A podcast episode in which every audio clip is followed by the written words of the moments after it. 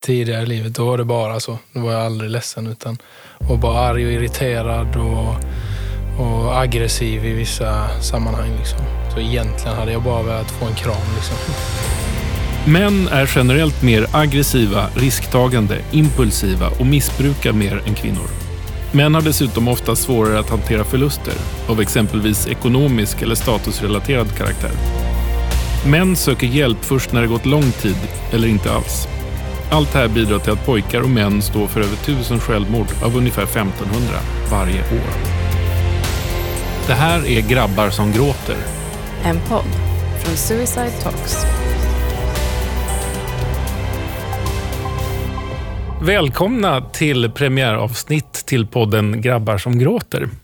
Till dagens premiäravsnitt så har jag med mig två gäster och en psykolog. Och Våra gäster är Rickard Magyar som är fotbollsspelare i Hammarby och som faktiskt gjorde mål, 4-1 målet här i utklassningsmatchen mot Göteborg senast. Så välkommen hit och grattis till, till vinsten. Tack så mycket. Vi har också Attila Joldas som är journalist på tidningen Expressen och som är aktuell med en bok också. Vill du säga någonting lite kort om den? Ja, tack. Eh, den heter Mansboken och handlar just om maskulinitetsnormer och problem som uppstår på grund av dem. Jättespännande. Välkommen hit. Tack så mycket. Och så har vi psykolog Aleksandar Djordjevic som eh, fungerar som bisittare här idag och som kommer säga en och annan klokskap kan jag tänka mig. Eventuellt. vi får se hur det går. Ja. Vad vi ska göra nu är helt enkelt att jag kommer ställa ett antal påståenden och våra gäster kommer att få reflektera kring de här påståendena. Och jag och Alexander och även ni själva får gärna ställa följdfrågor till varandra om ni känner att eh, ni undrar över någonting. Så nu kör vi. Mm. mm. Första påståendet. Jag har alltid haft lätt för att identifiera och sätta ord på mina tankar och känslor.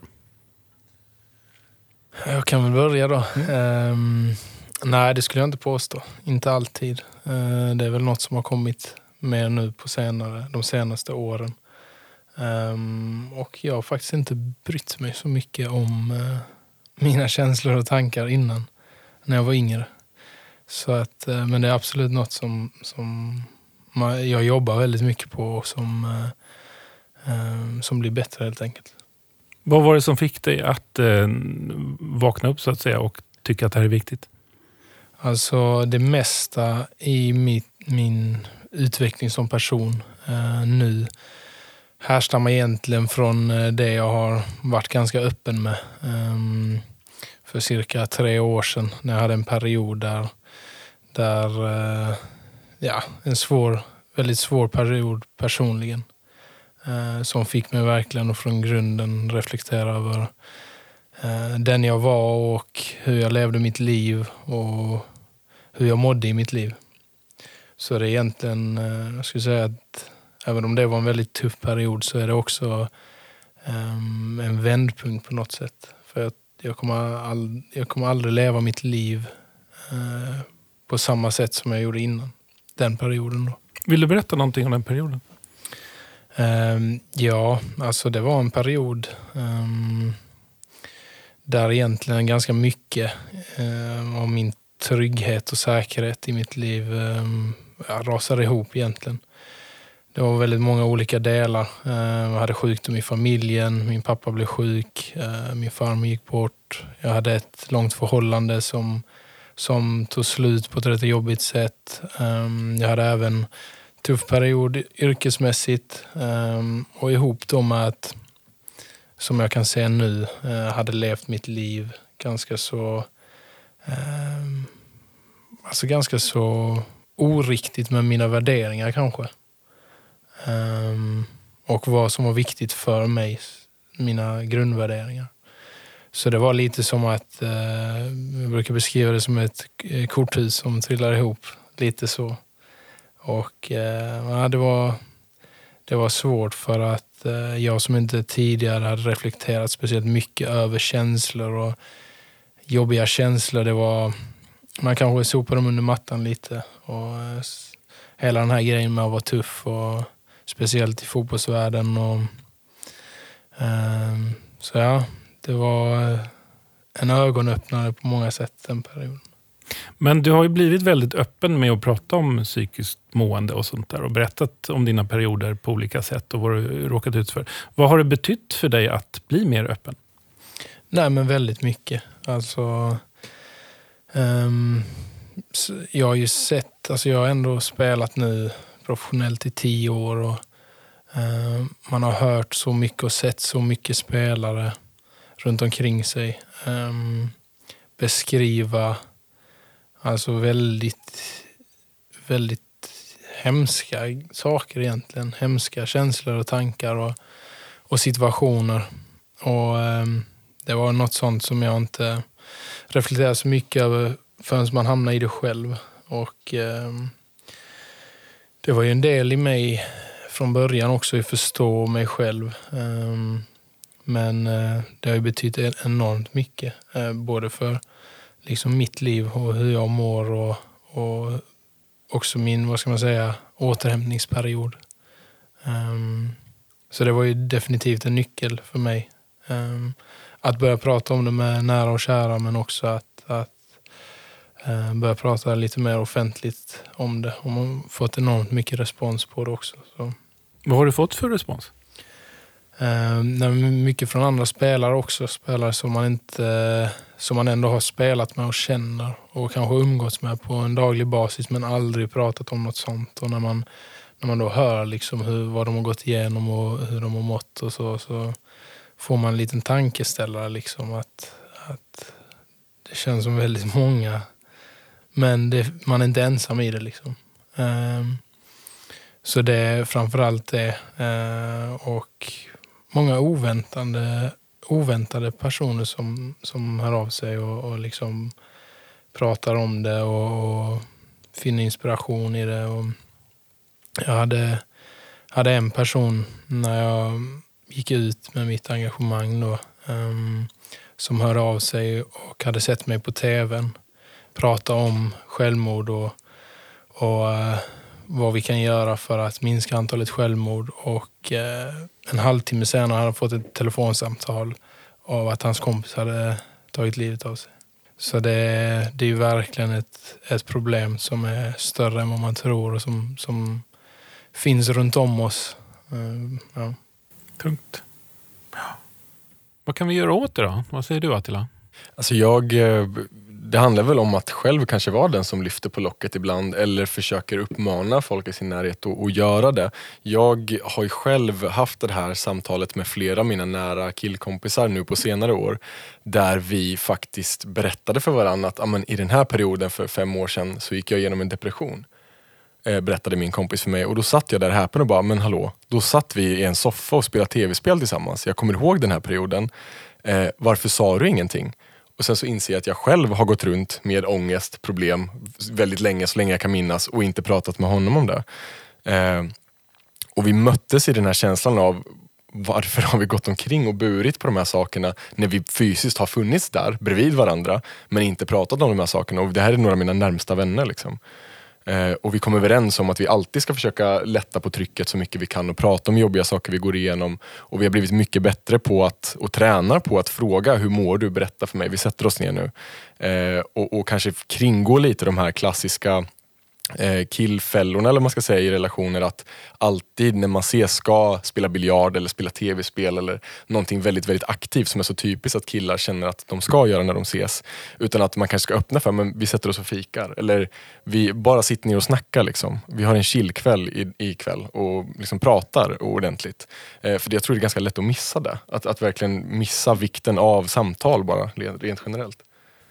Verkligen. Men så din erfarenhet då, då av att eh, tidigare i livet haft lätt för att identifiera och sätta ord på dina känslor, hur ser du på det? Jag eh, skulle inte säga att jag haft lätt för det tidigare i livet. Det är någonting som jag tränar på väldigt mycket än idag också. Eh, det har ju snarare varit raka motsatsen. Att jag har känt att, oh, hallå, jag känner alldeles för mycket. Jag måste vara överkänslig, det måste vara något fel på mig. Det här är tankar som jag verkligen haft när jag var, växte upp. Liksom. Eh, jag har haft väldigt lätt till att gråta så länge jag kan minnas. Väldigt lätt för att eh, känna starka känslor men jag har också alltid hållit tillbaks det. Eller gjort det i smyg. Liksom. Smugit in i mitt rum, stängt dörren, låst och sen börjat gråta. Eh, för jag såg aldrig de andra killarna göra det. Jag såg inga män, inga förebilder i mitt liv som, som visade känslor på det sättet. Annat än aggression och ilska och den typen av uttryck. Eh, det är någonting som jag snarare har kopplat till skam. Att det, det, är jag som är för mycket, det är jag som känner för mycket, jag ska inte känna så här mycket.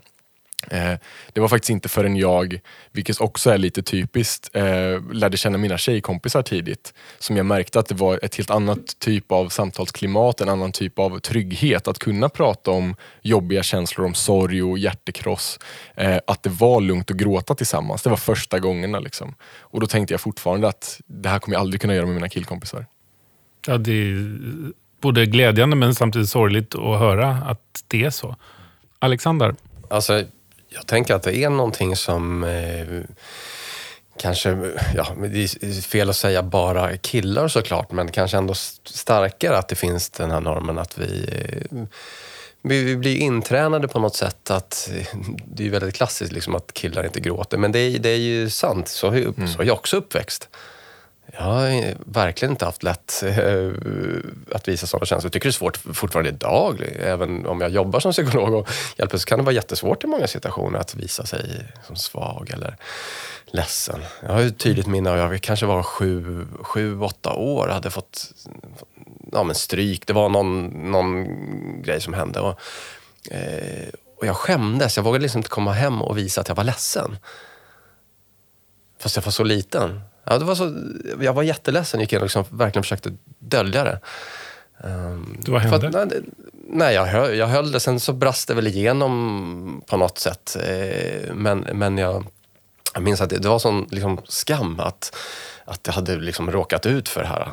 Och det var ju verkligen inte mitt fel, men ja, jag hade inte varit tillräckligt stark att slå tillbaks. Eller, och sen dessutom att inte, ja, inte vara stark att hålla igen mina känslor. Liksom.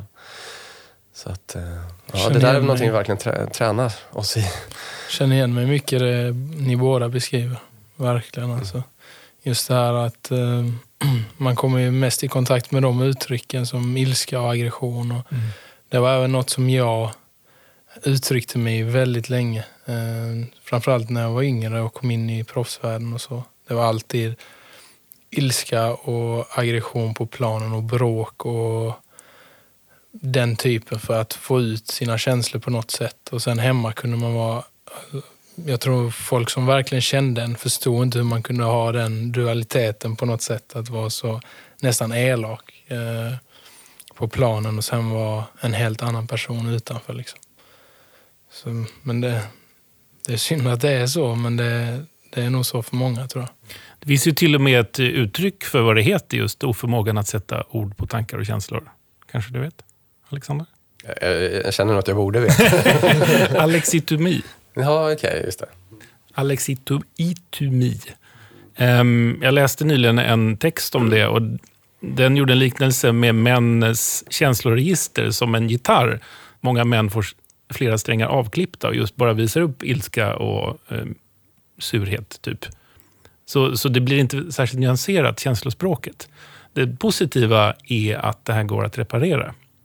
Genom att till exempel göra som vi gör just nu, sätta ord på det. Med detta så går vi vidare vi till... till oss i vi, vi tränar oss i detta, precis. men... men, men eftersom vi redan är där just nu så fortsätter jag lite grann på... Eh, ja, vi tar nästa helt enkelt och det är Jag är bra på att be om ursäkt. Rickard? Jo, men eh, det, det är jag. Eh, nu. Berätta. Nej, men jag så här, tidigare när jag var yngre eh, haft extremt svårt att ta kritik och sådana här saker och också att, att erkänna att man har fel. Det har inte gått. Utan, eh, eh, nej, det var jag inte. bra på. Men nu har jag, vill jag faktiskt säga att jag, jag har inget problem med det. Vad är det det beror på att så många ändå har svårt för att eh, be om ursäkt? Det är svårt, men jag tror hela den, hela den grejen med att visa sig svag eller ha fel, eh, det är en egogrej. Liksom. Att inte låta någonting eh, ja, vara starkare än en på något sätt ungefär. Ehm, så jag tror, jag tror det är det. Att man, eh, man går nästan, man går väldigt långt och över gränsen för att, eh, även om det är uppenbart att man har fel, så för att, för att eh, inte liksom erkänna det. Men eh, nu skulle jag säga att jag är mycket bättre på det. Vad säger du då? Till? Jag skulle säga att det har varit exakt likadant för mig och det blir en sån tydlig koppling till just eh, machonormer, just den här tanken om att män ska vara självsäkra. Det är så, så djupt rotat inom oss att vi ska ha svar, vi ska ha snabba lösningar, vi fixar allting. Och när det rubbas, precis som du är inne på, då rubbas ju hela bilden av en själv som man och hela manligheten omkring det, den upplevda liksom så. Eh, men det har varit samma, jag har också haft väldigt svårt att ta kritik och jobbar fortfarande med det också. Liksom, och har väldigt lätt för att vända sånt inåt väldigt tydligt. Att jag, jag tenderar inte riktigt att bli utåtagerande, det blir mer att jag verkligen tar åt mig och blir ledsen. Liksom. Ehm, och jobbar med att eh, se ur ett större perspektiv än bara mina egna känslor i det. Och det kan ju vara jättesvårt. Liksom. Och det, det är inte alltid det, det går att göra så. Men för att hitta sättet att så här, se den andra personen och dens perspektiv så det är också någonting som jag tränar på, att be om ursäkt. Liksom, och, ja, men jag, okay, nu förstår jag verkligen vad du menar, jag ber om ursäkt. Liksom, jag, här gick jag över en gräns eller eh, jag förstår att jag gjorde det illa, det var inte min mening, förlåt. Liksom. Eh, det är ju ord som kan vara väldigt svåra liksom, om, man har, om man inte ser mer än sitt eget perspektiv. Liksom, så. Alexander, vad säger du? Varför är det så svårt för många att be om ursäkt? Ja, jag sitter precis och funderar varför är det så svårt. Eh, men jag tänker att det är ju, alltså, det är ju på något sätt att visa, som ni var inne på, som du säger, tänker jag att det kan säkert vara olika för olika personer, men i grunden så handlar det väl om att man blottar sig själv på något sätt. Alltså man visar sig ju på något sätt som sårbar, felaktig, eh, att man har eh, man faktiskt erkänner för sig själv och också för andra att man har gjort någonting. Att, och vad gör det med ens identitet då, om man blottar sig själv? Ja, men förhoppningsvis så, eh, så är det ju till godo så att säga att man faktiskt kan, eh, kan släppa på, eh, på liksom någon slags gard eller att man ska ha någon slags perfekt yta. Men om, om, man, om, det, om det är läskigt så är det klart att man försvarar det och inte vill det och man kämpar för att, eh, för att inte vara inte visa fel och så. Och det, och det inte heller är så accepterat. Jag tänker att, att, att känna någon slags, en, en trygghet i att få göra fel, då är det inte så svårt kanske att be om ursäkt och erkänna det. Men om man inte har den tryggheten, vilket jag tänker att man då ofta kanske har lärt sig att det just inte är okej, okay, utan man ska, man ska vara bra, man ska vara hård, man ska lyckas. Man, eh, och då är det ju såklart att det är läskigt. Om man inte gör det, då blir det också svårt att erkänna det ja, visar sig svag på något sätt. Verkligen. Um, vi var lite inne på det här tidigare, så jag lyfter det nu. Ibland när jag är arg är jag egentligen ledsen. Attila? Det tänker jag eh, är ganska svårt att identifiera, dels hos sig själv och, och hos andra. Det, där handlar det väl om att försöka se hela perspektivet. Okej, okay, vad är det som har hänt här? Eh, är det här någonting som eh, som kopplas om. Liksom. Kopplar jag om det här borde jag egentligen vara ledsen. Det är jättesvårt att, att se sina egna mönster i det kanske men jag försöker minnas om jag har ju som sagt alltid haft lättare till att bli ledsen just och visa det. Även om det har varit för mig själv eller liksom inför andra. Jag brukar dra mig undan liksom då och bli nere. Um, jag har själv haft väldigt svårt för just människor som uttrycker känslor med ilska eller våld. Och Det är någonting som jag har sett genom mitt liv liksom, och själv drabbats av. Liksom. Eh, och vet hur det påverkar mig. Det, det, är liksom till och med en, en del i bland det som triggar igång min ångest, om någon beter sig aggressivt mot mig. Eh, och i den stunden så är det omöjligt för mig att se, är den här personen arg på mig på riktigt? Eller handlar det om någonting annat här? Är den, är den sårad? Har jag sagt någonting som sårar den här personen? Det är omöjligt för mig just i den stunden eh, att, att förstå, okay, varför står den här personen och skriker över någonting som jag hade blivit ledsen för liksom, och gråtit över. Eh, jag vet inte riktigt hur man ska nå fram heller till en sån person. Det känns som att det är ett, en, en reaktion, nästan som ett försvar, som förmodligen också ligger ganska djupt. Eh, om man har taggarna utåt som, som försvar om man blir sårad. Också som kanske en grej att, att bibehålla någon form av eh, roll eller upplevd maskulinitet eller liknande. Eh, och, och den kan ju såklart vara väldigt, väldigt tjock det här lagret av skydd. Eh, Vad säger du Rickard? Jag tror att jag har mycket lättare att bli arg när jag är ledsen. Eller att jag blir i ett första stadie arg. Um, och det är återigen kopplat till hur jag var tidigare i livet. Då var det bara så. Då var jag aldrig ledsen utan var bara arg och irriterad och, och aggressiv i vissa sammanhang. Liksom. Um, men nu kan jag ju se ofta att, att det nästan alltid handlar om att jag blir arg men jag ser, eller irriterad men jag ser att det är någonting annat bakom det. Att det beror på någon, någonting med mig själv. Så egentligen hade jag bara velat få en kram liksom. Men, eh, och vara lite ledsen och Mm. det är jag ju mycket bättre på nu liksom.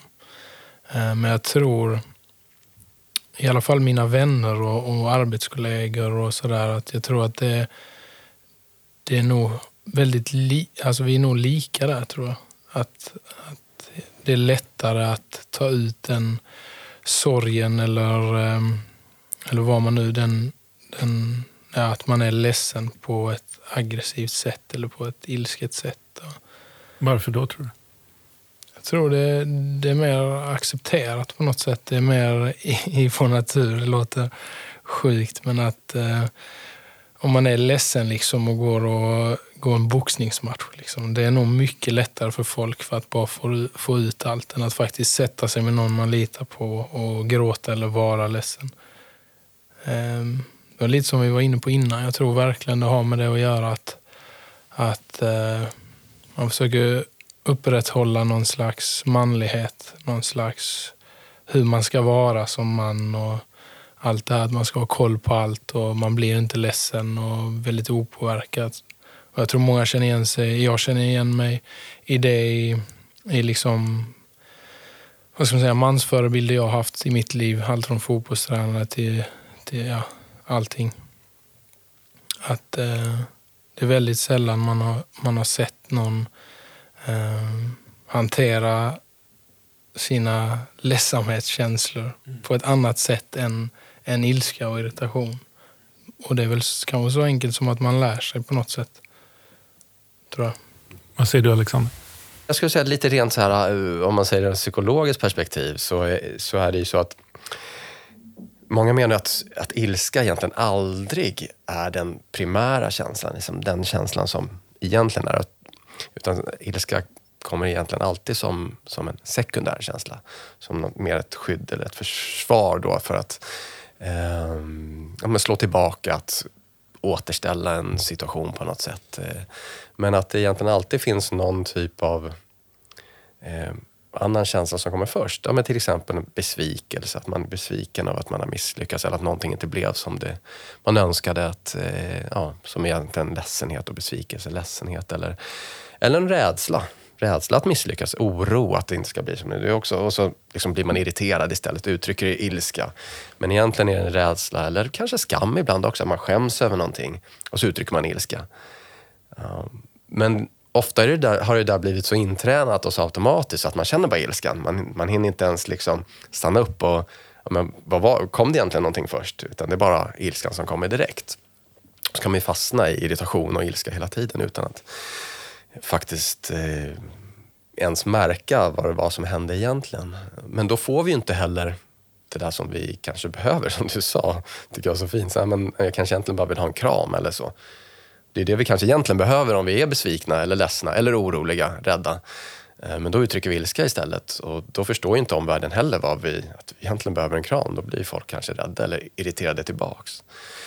Det där tror jag är spot on verkligen. Det är Ja, nog så många som bara är vill ha en kram men, men Ja, får inte det. Ja, och det är inte bara för män, så här är det för tjejer också, men det är kanske ännu vanligare bland, för, för bland män så är det ännu mer tabu och vi är ännu mer tränade att gå över direkt och uttrycka ilska och trycka undan den där eh, liksom sårbara känslan för att vi är så rädda att blotta oss helt enkelt. Men om man har en partner som är väldigt arg ofta och sånt där. Har du några tips på hur man kan närma sig det där och försöka just ge den här insikten?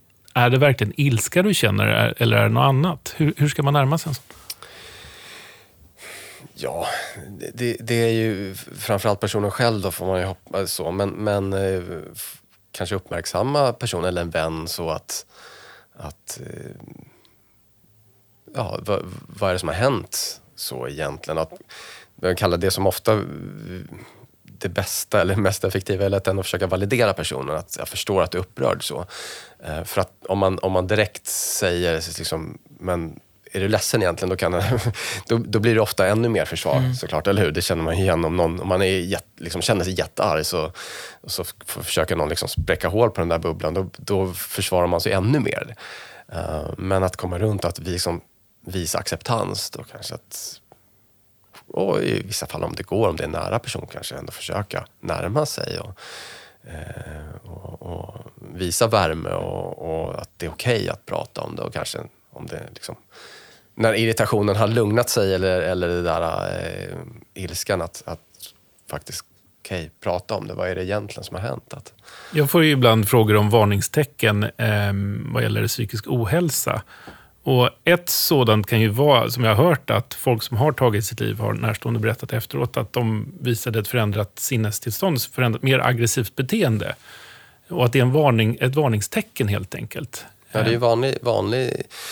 Man tänker ju depression eller så, nedstämdhet, att det bara är just för att det kanske i grunden handlar om, om nedstämdhet, ledsenhet. Men irritation och, och ilska är ju jättevanligt, jag säga liksom lika vanligt varningstecken, absolut. Sen liksom ständigt irriterad och, och så, det är absolut. Och det med depression, en deprimerad hjärna, eh, har den lättare för att eh, liksom trycka på ännu mera starka känslor som ilska? Det kan ju vara både och. Eh, ofta kan man ju bli avtrubbad också, deprimerad. Att Man, men, men det är ju framförallt då färgat av liksom just den här negativa sinnesstämningen. Både liksom trötthet, nedsändhet, eh, liksom, men, en slags känslomässig stumhet kanske. Men, men ofta den här irritationen finns ju. Och det behöver ju inte vara ilskutbrott eller så. Det kan ju vara liksom en liksom lågintensiv irritation som, som, är, som mer eller mindre ständigt närvarande. Också. Det kan se ut på massa olika sätt såklart. Men... Bra. Vill någon tillägga något? Jag, jag skulle bara vilja säga att det känns så typiskt också, min erfarenhet eh, och när jag snackar med mina killkompisar som delar den erfarenheten är ju att när man som ung kille eller man har försökt öppna, precis som du är inne på, eh, att man vill ha en kram eller att man vill ha närhet eller bekräftelse eller någon form av stöd. När man börjar öppna för de här sakerna och möts av, ja, men skärp till dig, ja, men sluta vara så jävla fjollig, ja, men ge dig, släpp det där, gå vidare istället. Liksom. Det gör ju nästan så att det är så mycket lättare att sluta sig ännu mer då. Det blir som att man bara gräver sig djupare ner i det här. När man verkligen har försökt ta det här steget, oavsett hur jobbigt det har känts, oavsett om man har känt sig jättesorgsen eller arg och försöker nå ut till en människa som ska stå en nära liksom och bara säga men på något sätt få fram, jag behöver ditt stöd och inte mötas i det. Det är ju det är för jävligt. Och det är, där tycker jag att killar verkligen har ett ansvar att ta, att, att försöka se varandra bättre och inte skjuta iväg saker. Fan att man kan ha en bråkig jargong eller skämta mycket men då måste man ju lära sig att se när personen behöver den också. Och när man går över gränser och liknande. Det här är ingenting jag har funderat på, men jag, jag får nästan bara känslan när du säger det. Det var så liksom spot on att jag upplever att det nästan är mer kanske bland barn och, och liksom unga killar. För, men okej, när man kommer upp i våran ålder så då kan man få, få liksom en, en klapp på ryggen. Så, ja, men vad, det börjar ju ändå komma lite grann så här, men starkt jobbat att du vågade visa dig sårbar och, och sådär att, att det är någonting positivt. Men jag tror att det är mycket svårare när man är ung, alltså i skolåldern, tonåren. För att då är det många, som- ja, men om man då liksom vågar ta det där steget och öppna upp sig så är det en verklig risk att man faktiskt blir ditsatt istället eller hånad eller så. Och det är ju klart att den risken vill man kanske inte ta. Mm. Och det, jag skulle säga att det är nästan Eh, det är svårt att avgöra vad som skulle vara värst men jag tänker nästan alltså den eh, totala krossen av att försöka öppna sig till en äldre person också. Typ en, en manlig förebild som man ser upp till, en, en pappa eller farbror eller vad det nu kan vara, liksom, en manlig lärare. Och när den manliga läraren försöker skjuta bort det till och med, bara, så, ah, men lägg av, du är kille, liksom. ah, men skärp dig, skit i henne eller vad det nu kan vara. Eh, Drick lite bärs. Liksom. Det, det tycker jag nästan är Ja, men ännu mer. Liksom. Precis, det är där Mm. verkligen man har ett ansvar som, som äldre man. Precis, alltså som förebild. Ja. Men det är precis som du säger, jag tror det är jättevanligt bland unga alltså. Och det är hemskt. De cirka tusen pojkar och män som varje år dör i självmord är på många sätt toppen av ett isberg. Betydligt fler pojkar och män försöker ta sitt liv eller lever med självmordstankar. Hörrni, vi har jättemånga saker att reflektera vidare på, så vi går vidare till nästa helt enkelt. Och det här är en lite tuffare reflektion. Ehm, jag har haft tankar på att ta mitt liv. Har, jag har inte haft det. Jag har haft problem med ångest, liksom, men eh, inte, inte den typen av tankar. Jag har haft människor i min omgivning som, har, som kämpar med det och har kämpat med det. Liksom. Vad säger du, Rickard? Um, nej, jag skulle inte säga att jag har haft eh, aktiva självmordstankar. Utan, eh, eh, men man har, man har kunnat förstå på något konstigt sätt folk som överväger det.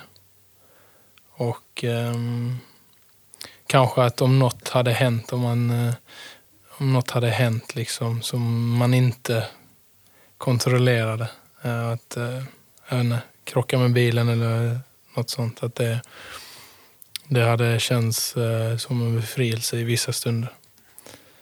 Så, men inte, inte aktivt på det sättet.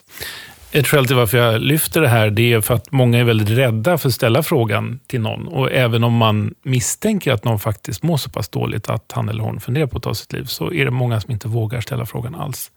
Själva frågan i sig kommer inte utlösa tankar.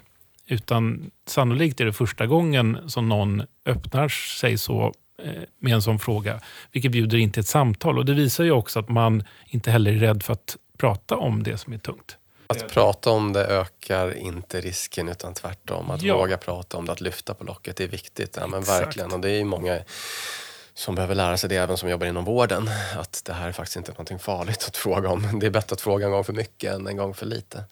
Det var ju ett program på SVT, jag tror det finns på SVT Play fortfarande, om män och självmord. Och Då har man visat från USA hur man alltid när folk kommer till vården ställer frågan, har du tankar på att ta ditt liv? Oavsett vad man söker för, för krämpa. Det, för många fall, när, när, speciellt när man söker för kanske ont i magen, så är det något psykiskt bakom, bakomliggande. Och det här har visat sig, nu kommer jag inte ihåg statistiskt hur, hur mycket självmorden gick ner, men det var en rejäl minskning. Just för att alla i vården alltid ställer den frågan. Det är någonting att ta, ta vidare till svensk vård också, tänker jag. Och, om inget annat tänker jag, det är jättebra att det då antar jag går in i system då. Att det liksom dokumenteras och man ser då statistik på ett helt annat sätt. Då. Om man, eh, såklart att det finns mycket studier på det och, och, liksom, och så men det blir en annan sätt av eh, insyn. Liksom. Det är väl jättebra. Ja, det är superspännande tycker jag. Verkligen. Jag har alltid varit med om att eh, personen som jag har frågat upplevt det positivt att man frågar i alla fall. För då är det så här, okej men du, du vågar ställa frågan, vad bra. Då, då kan du liksom prata om någonting som faktiskt är viktigt och våga orka höra eh, om något som är jobbigt kanske. Så att, eh, jag tror man ska, vara, man ska inte vara rädd för det. Nej, jag tänker den här rädslan är ju ganska förhärskande när man pratar om självmord generellt sett. Och eh, rädsla för att göra fel, säga fel och, eh, eh, och höra av sig till folk som har det svårt. Eh, jag vet när folk går igenom sjukdomsperioder eller skilsmässa och liknande, då är det ofta så att vänner och, och grannar och liknande slutar höra av sig. Där finns det en väldigt utbredd rädsla. Då går jag in på nästa reflektion som har lite med detta att, att göra. Och den lyder så här. När jag träffar en kompis eller bekant är jag mån om att fråga hur personen mår på djupet. Rickard? Um, ja, det skulle jag säga att, um, att jag gör. Och, uh, men det du beskrev precis, det är ju också, man inser att det är svårt i vissa situationer. Att man känner att man, man är för på på något sätt. Att man är för, man blandar sig i deras privata.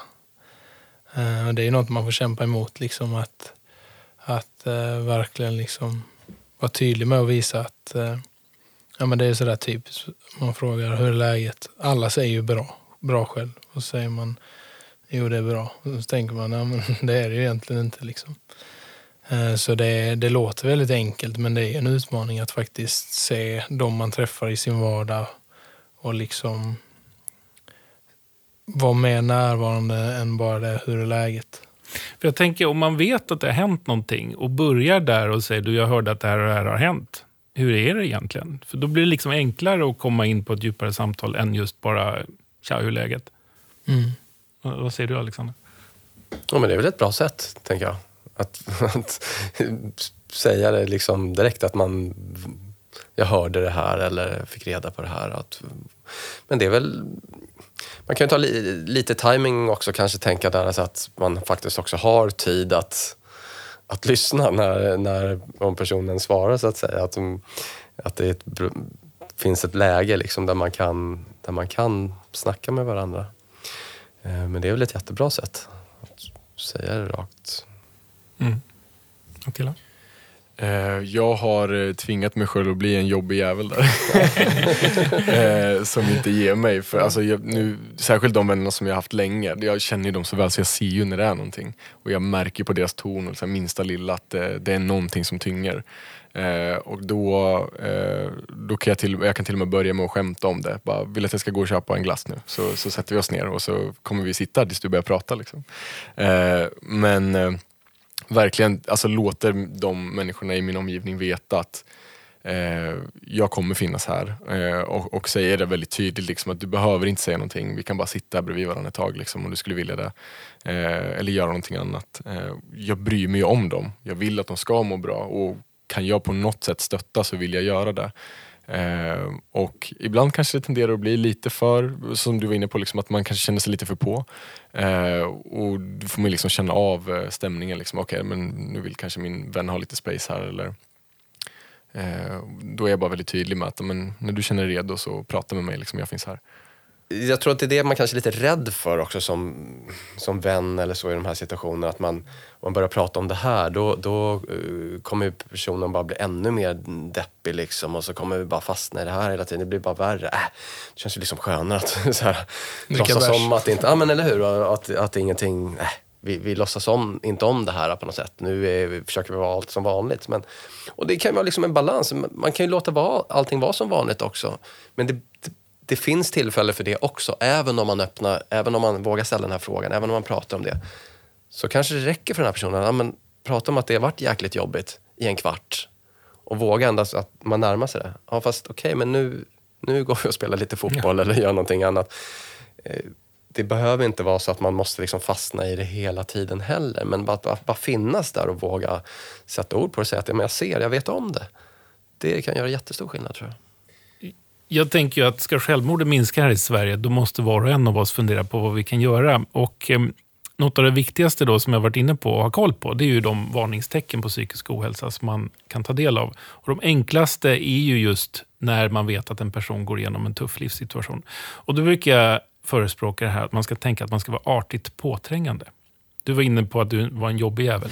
det är lite samma, fast annat sätt att formulera det på. Men man tar det där initiativet.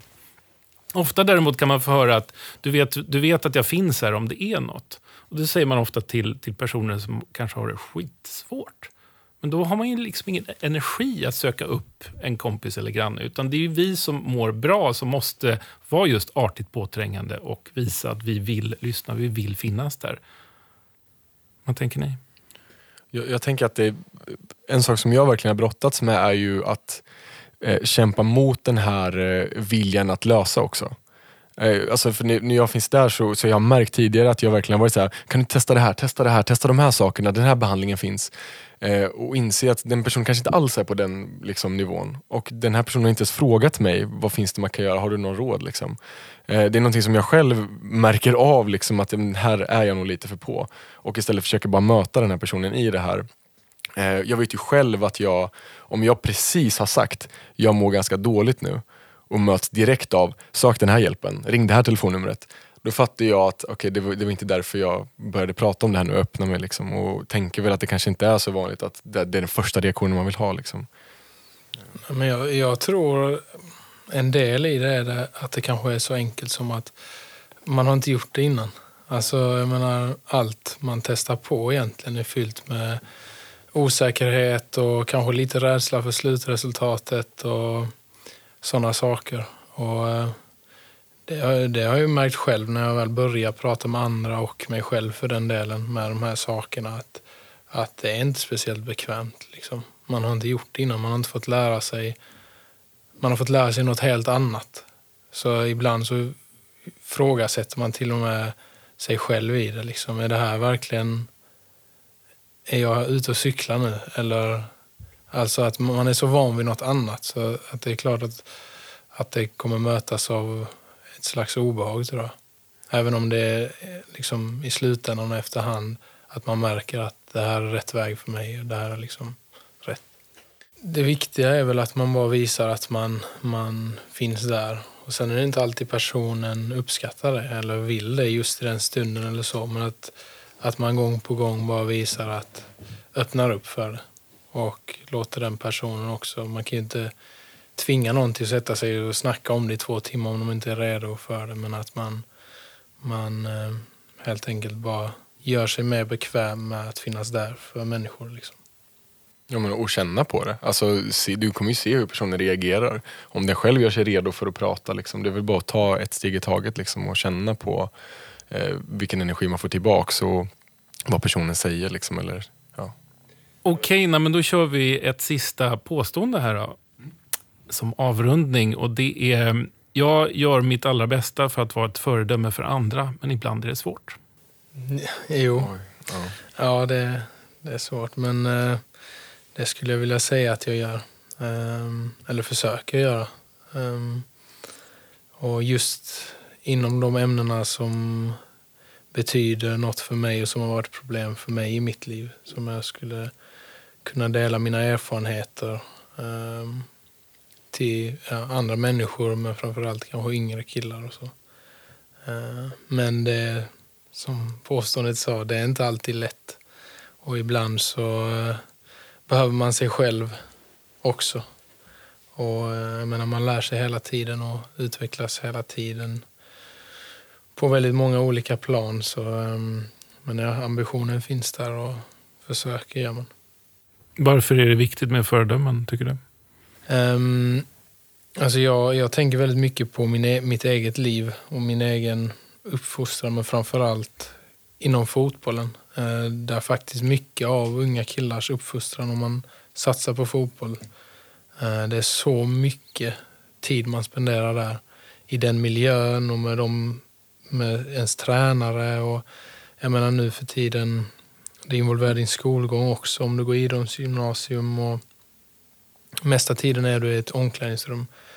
Ehm, och jag kan ju säga ärligt att, att ehm, en del, en del av det som gjorde att jag på något sätt hamnade i, um, i en situation där jag inte mådde speciellt bra och verkligen fick se över hur jag levde mitt liv och mina värderingar.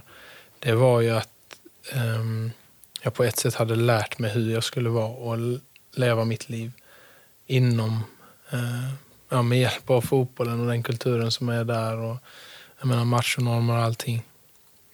Eh, så för mig är det viktigt att jag har hittat min väg genom det. Eh, jag skulle vilja säga att jag är en känslig person och en person som, som ja, bara insåg att det där funkar inte för mig och det, folk mår inte bra av det. Och uh, prata om det och reflektera kring det och förhoppningsvis att både tränare och ja, personer och, och, unga fotbollskillar och andra fotbollsspelare också gör den reflektionen och verkligen kollar, är det här sättet jag lever på, gynnar det mig och andra i min omgivning? Eller, eller inte? Liksom.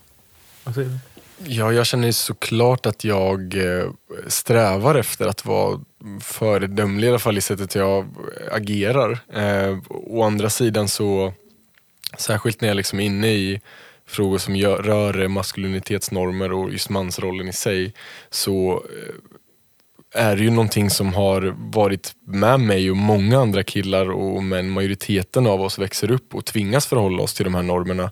Eh, det är klart att de här sitter kvar eh, och det är klart att jag fortfarande, liksom många andra, tvingas jobba med att identifiera så här, när jag okej vänta nu kanske jag, eh, det här kanske är liksom eh, normer som sitter kvar i mitt huvud och som spökar. Eh, varför känner jag att jag måste vara självsäker i det här tillfället? Varför känner jag att jag burrar upp mig rent fysiskt när de här killgänget går förbi mig? Eh, det kan vara sådana små saker som jag fortfarande märker av hos mig själv som man hela tiden måste hålla på och rannsaka och så här, ifrågasätta sig själv. Och, eh, det är såklart väldigt lätt att peka pin pinnar mot andra som agerar väldigt tydligt över gränsen men man får ju aldrig tappa det här egna liksom, rannsakande arbetet och, och förändringsarbetet. Så på det sättet tänker jag väl att jag ser ju föredömen i alla som vågar prata om psykisk ohälsa, som vågar visa känslor, vågar gråta, pratar om de här strukturerna och varför de är så fel mot oss själva och mot människor i vår omgivning. Eh, det går ut över så många. Eh, för mig är det viktigt att att strävan åtminstone finns där, att förändra. Eh. Jättebra. Alexander? Jag blir glad av att höra det här. Jag känner igen mig också såklart. Det är någonting som jag också behöver kämpa med. Det tror jag att det är jätteviktigt och det kan verkligen göra skillnad. Och särskilt liksom ni som, eh, som många eh, känner till eh, och, och, kan nå ut till eh, och, och, kanske ses som förebilder, tänker jag. Som ändå lite sådär offentliga personer tror jag verkligen kan göra skillnad. Och det är liksom så här, tror man att eh, fotbollsspelare till exempel blir sämre fotbollsspelare om de också kan visa känslor eller prata om att man eh, vågar vara ledsen. Så det, blir, det blir lite tokigt. Varför skulle det vara så? Liksom? Ja, men det är roligt att du nämner det. För att eh, jag har funderat mycket på det också. Mm. Jag har alltid fått höra av tränare och sådär, eh, ja, men du, du är bäst när du är förbannad och du är bäst när du är arg och så. Så vissa har till och med försökt framkalla det hos mig. Liksom. Mm. Kanske, kanske säga någonting elakt eller sådana här saker. Precis som man är ett djur. Liksom. Mm. Och när man var yngre så fattar man, man blir ju sur. Liksom. Man fattar ju inte. Nej, nej, det... Eh, så att jag tror att ehm, det kände ju jag också när jag liksom kanske började släppa lite på min fasad och sånt. Då var det ett tag jag funderade på, alltså sitter min styrka i liksom att jag är en idiot typ? Och liksom eh, bara in, liksom sopa mina känslor under mattan och så. Men eh, det är ganska uppenbart för någon utomstående att självklart så är det inte det. Jag skulle säga tvärtom att när man närmar sig eh, den man verkligen är liksom, som person så tror jag att man får ut mest eh, oavsett vad man jobbar med eller vad, vad man har för mål i livet. Liksom. Fan fint sagt. Ja men verkligen. Gud, nu kommer snart tårarna. och, det, och det blir mer hållbart kanske också, framförallt på längre sikt. Liksom. Ja. Men på något sätt är vi ofta rädda tror jag, att vi kommer prestera sämre eller liksom, i de här eh, högpresterande situationerna om vi liksom vågar se eller ha med hela oss själva mm. på något sätt. Men, ja. mm. Hörni, tusen tack för det här samtalet. Det var otroligt givande för mig och jag hoppas verkligen för alla lyssnare också, men det tror jag. Så stort tack för att ni var med här idag. Verkligen tack en eloge. Tack för att vi fick vara här. Innan vi avslutar helt dock, så vill jag gärna höra, vem skulle ni vilja se som gäst här i programmet framöver? Det är en svår fråga. Jag har funderat på den ett tag. Um, jag skulle vilja se en, um, en idrottsman eller kvinna. Um, men kanske inom en annan sport. Som jag inte, det skulle vara intressant för mig att lyssna på. Har du någon namn? Jag har inte det. Jag får återkomma till det. Går bra. Det. Du får fundera ett tag och återkomma. Ja, vi tar det senare. Attila? Ja, jag tycker också det är svårt. Jag skulle vilja se någon riktig macho-dude här. Som, får, som tvingas liksom reflektera lite kring de här frågorna. För jag tror det finns mycket där. Eh, upp till tolkning by the way, vem som är en macho-dude. Men ehm, eh, i övrigt skulle jag väl tycka också att det var väldigt intressant just med temat som ni har. Med en, en person som identifierar sig som transman till exempel. För att se hur, hur den förhåller sig till de här normerna. Liksom. Eh, som, som har erfarenhet av eh, eh, eh, könskorrigeringar och, och liknande. Jättebra. Kanske har lyssnarna lite förslag på eh, namn som vi skulle kunna kontakta. Och är det så att ni har eh, förslag på namn så hör gärna av er till mig på alfred.suicidetalks.se. Suicide Talks, det är alltså suicide, T-A-L-K-S.se. Tack. Tack. tack, tack.